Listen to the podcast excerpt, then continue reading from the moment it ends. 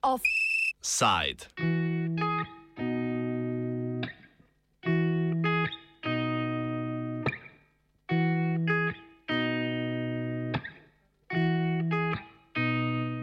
Arbitrarno nad pravice.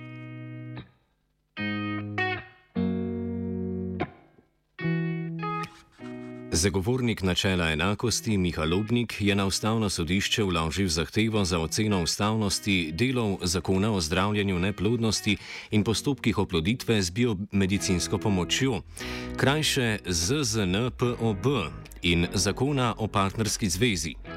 Zakona sta po oceni zagovornika diskrimi diskriminatorna do neplodnih žensk, ki niso v zakonski ali zunajzakonski skupnosti. Samskim ženskam namreč pomoč pri zanositvi ni na voljo zaradi njihovih osebnih okoliščin, torej ker so samske, ločene, ovdovele ali pa živijo v partnerski zvezi, kakor je denimo istospolna partnerska zveza.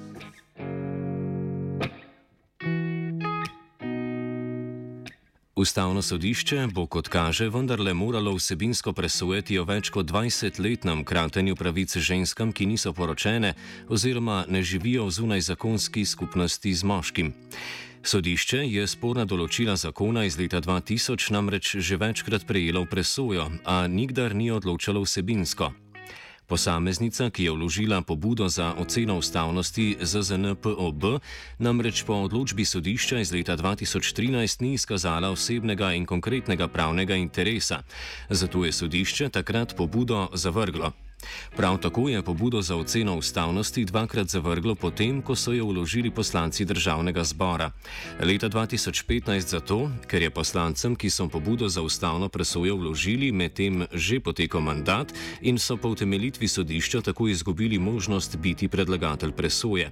Leta 2016 pa se je sodišče vsebinski obravnavi zadeve izognilo z argumentom, da ima 61 poslancev, ki je pobudo za presojo ustavnosti vložilo, tako ali tako v državnem zboru večino in bi lahko sami sprejeli novelo zakona.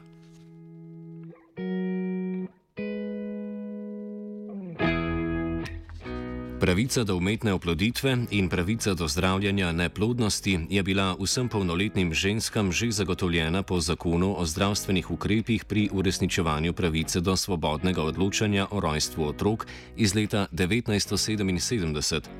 Pravico so ženske, ki niso poročene ali ne živijo z moškim, izgubile šele leta 2000, ko je takratna Bajukova vlada sprejela ZNPOB. Odprava že pridobljenih pravic je bila ena od prioritet desne politične opcije že pred osamosvojitvijo. Kot se spominja Sonja Lokar, desnica o pisanju Ustave Republike Slovenije še ni bila uspešna. Prvič se je to zgodilo že pred eh, spremembo političnega sistema. Ne? In takrat je eh, zlasti krščanska demokracija na ves glas zahtevala, da se v, v, v bistvu eh, prepove pravica do eh, prekinitve nosečnosti na zahtevo ženske. Eh, in že takrat, še preden se je sploh sistem spremenil, je bilo jasno, da ko se bo sistem spremenil in če bodo desne stranke dobile dovolj veliko uh, podporo, bodo na vse možne načine poskušale te reproduktivne pravice uh, bistveno zmanjšati ali pa celo v celoti odpraviti. No, potem se je pa zelo hitro pokazalo, da pravzaprav v Sloveniji ljudje niso za to rešitev. E, in e, kadarkoli so bile narejene javnomnenjske ankete v zvezi s temi pravicami, zlasti s pravico do svobodnega odločanja o rojstvih otrok, se je velika večina, čez 70% ljudi, vedno opredelila, da je to pravica, ki je ne smemo izgubiti. In to se je potem ponavljalo ob različnih priložnostih. Uh, in je šlo tako daleč, da so desne stranke uh, ugotovile, da je ta uh, kamen prevelik, da ga ne morejo prevrniti in so opustile pravzaprav uh, prizadevanje za to, da bi se ta pravica odpravila. Zadnja velika bitka okrog tega je bila ob sprejemanju nove ustave. To se pravi, zdaj je bilo ravno pred nekaj dnevi, 17. decembra, je bilo 30 let, kar so bile prve demonstracije v državi z večstrankarsko demokracijo. Ne?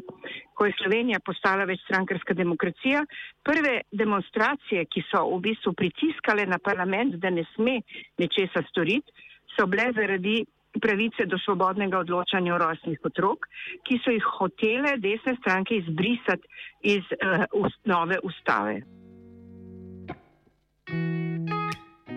Desnici je z novim zakonom na to uspelo leta 2000, a je že naslednje leto vlada pod Janezom Drnovškom sprejela novelo zakona, ki je odpravljene pravice spet zagotovila. Na to je na referendumu o vprašanju manjšine, opisuje Sonja Lokar, odločila večina, ki je z več kot 72 odstotki vseh glasov zavrnila novelo zakona. Zakaj je ta pravica uh, dejansko bila izgubljena? Uh, jaz mislim, da se je to zgodilo predvsem zato, ker pri vprašanju, uh, kdo naj pravzaprav uh, ima otroke, kdo naj ima pravico, da ima otroke, je udarila na plan stara tradicionalna Eh, patriarhalna zavest, ki pa ni omejena samo na desne stranke ali pa na ljudi eh, z močnim katoliškim prepričanjem, ne? Eh, ampak se je kar precejšen del ljudi, zlasti moški del, in recimo Jelinčič je tipičen predstavnik tega načina razmišljanja, bil takrat in je tudi danes, ne? so se oglašali, češ otrok mora imeti očeta in matere. Ne? In samske ženske naj bi bile pa neprimerne za starševstvo, zato ker nimajo partnerja.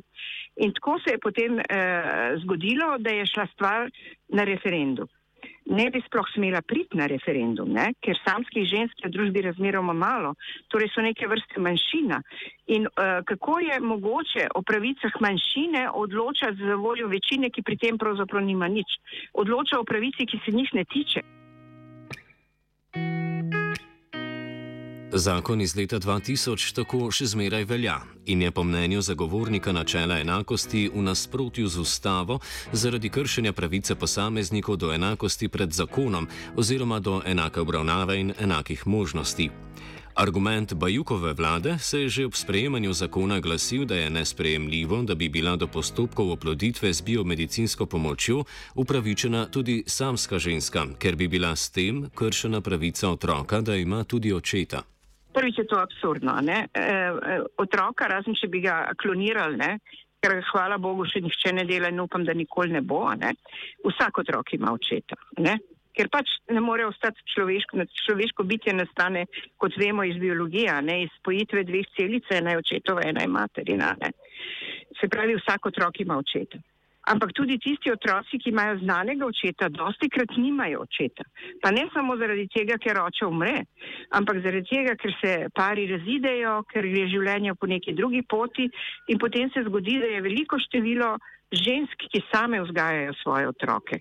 In celo tako daleč se te stvari znajo poslabšati, da niti tiste. Mm, Eh, tistega deleža materialnega, ne, ki bi ga eden od staršev, ki ne živi z otrokom, moral prispevati za otroka, ga, ga dosti krat ne prispeva. Posebno očetje so znani potem, da niso vestni pri, pri plačevanju preživnine. Ne. Se pravi, govoriti o tem, da vsak otrok mora imeti očeta, je čista hinavščina, ker življenje pravzaprav ne gre po tej poti, življenje gre tudi drugače. Po oceni zagovornika načela enakosti je pri oduzemu nekoč že priznanih pravic jasno šlo za arbitrarno in politično odločitev brez pravne osnove. Prav tako je po ugotovitvah zagovornika ureditev, da bi vsem ženskam zagotavlja ki vsem ženskam zagotavlja pravico do umetne oploditve oziroma pravico do postopkov oploditve z biometrično pomočjo, zagotovljena v veliki večini evropskih držav. Obstoječa ureditev v Sloveniji po oceni zagovornika pomeni celo večkratno diskriminacijo, saj so ženske diskriminirane zaradi več osebnih okoliščin. Najprej zaradi svojega zdravstvenega stanja, na to pa še zaradi zakonskega stanu. Pri tem gre za obliko množične in dolgotrajne diskriminacije, ki velja za hujšo obliko diskriminacije. Ustavno sodišče pa bi moralo po predlogu zagovornika pobudo obravnavati prednostno.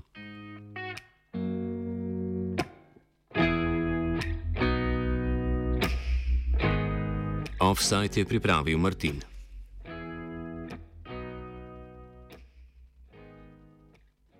To, kar se je zgodilo zdaj, je v bistvu nož v hrbet slovenski državi. Nož v hrbet in pa plunek.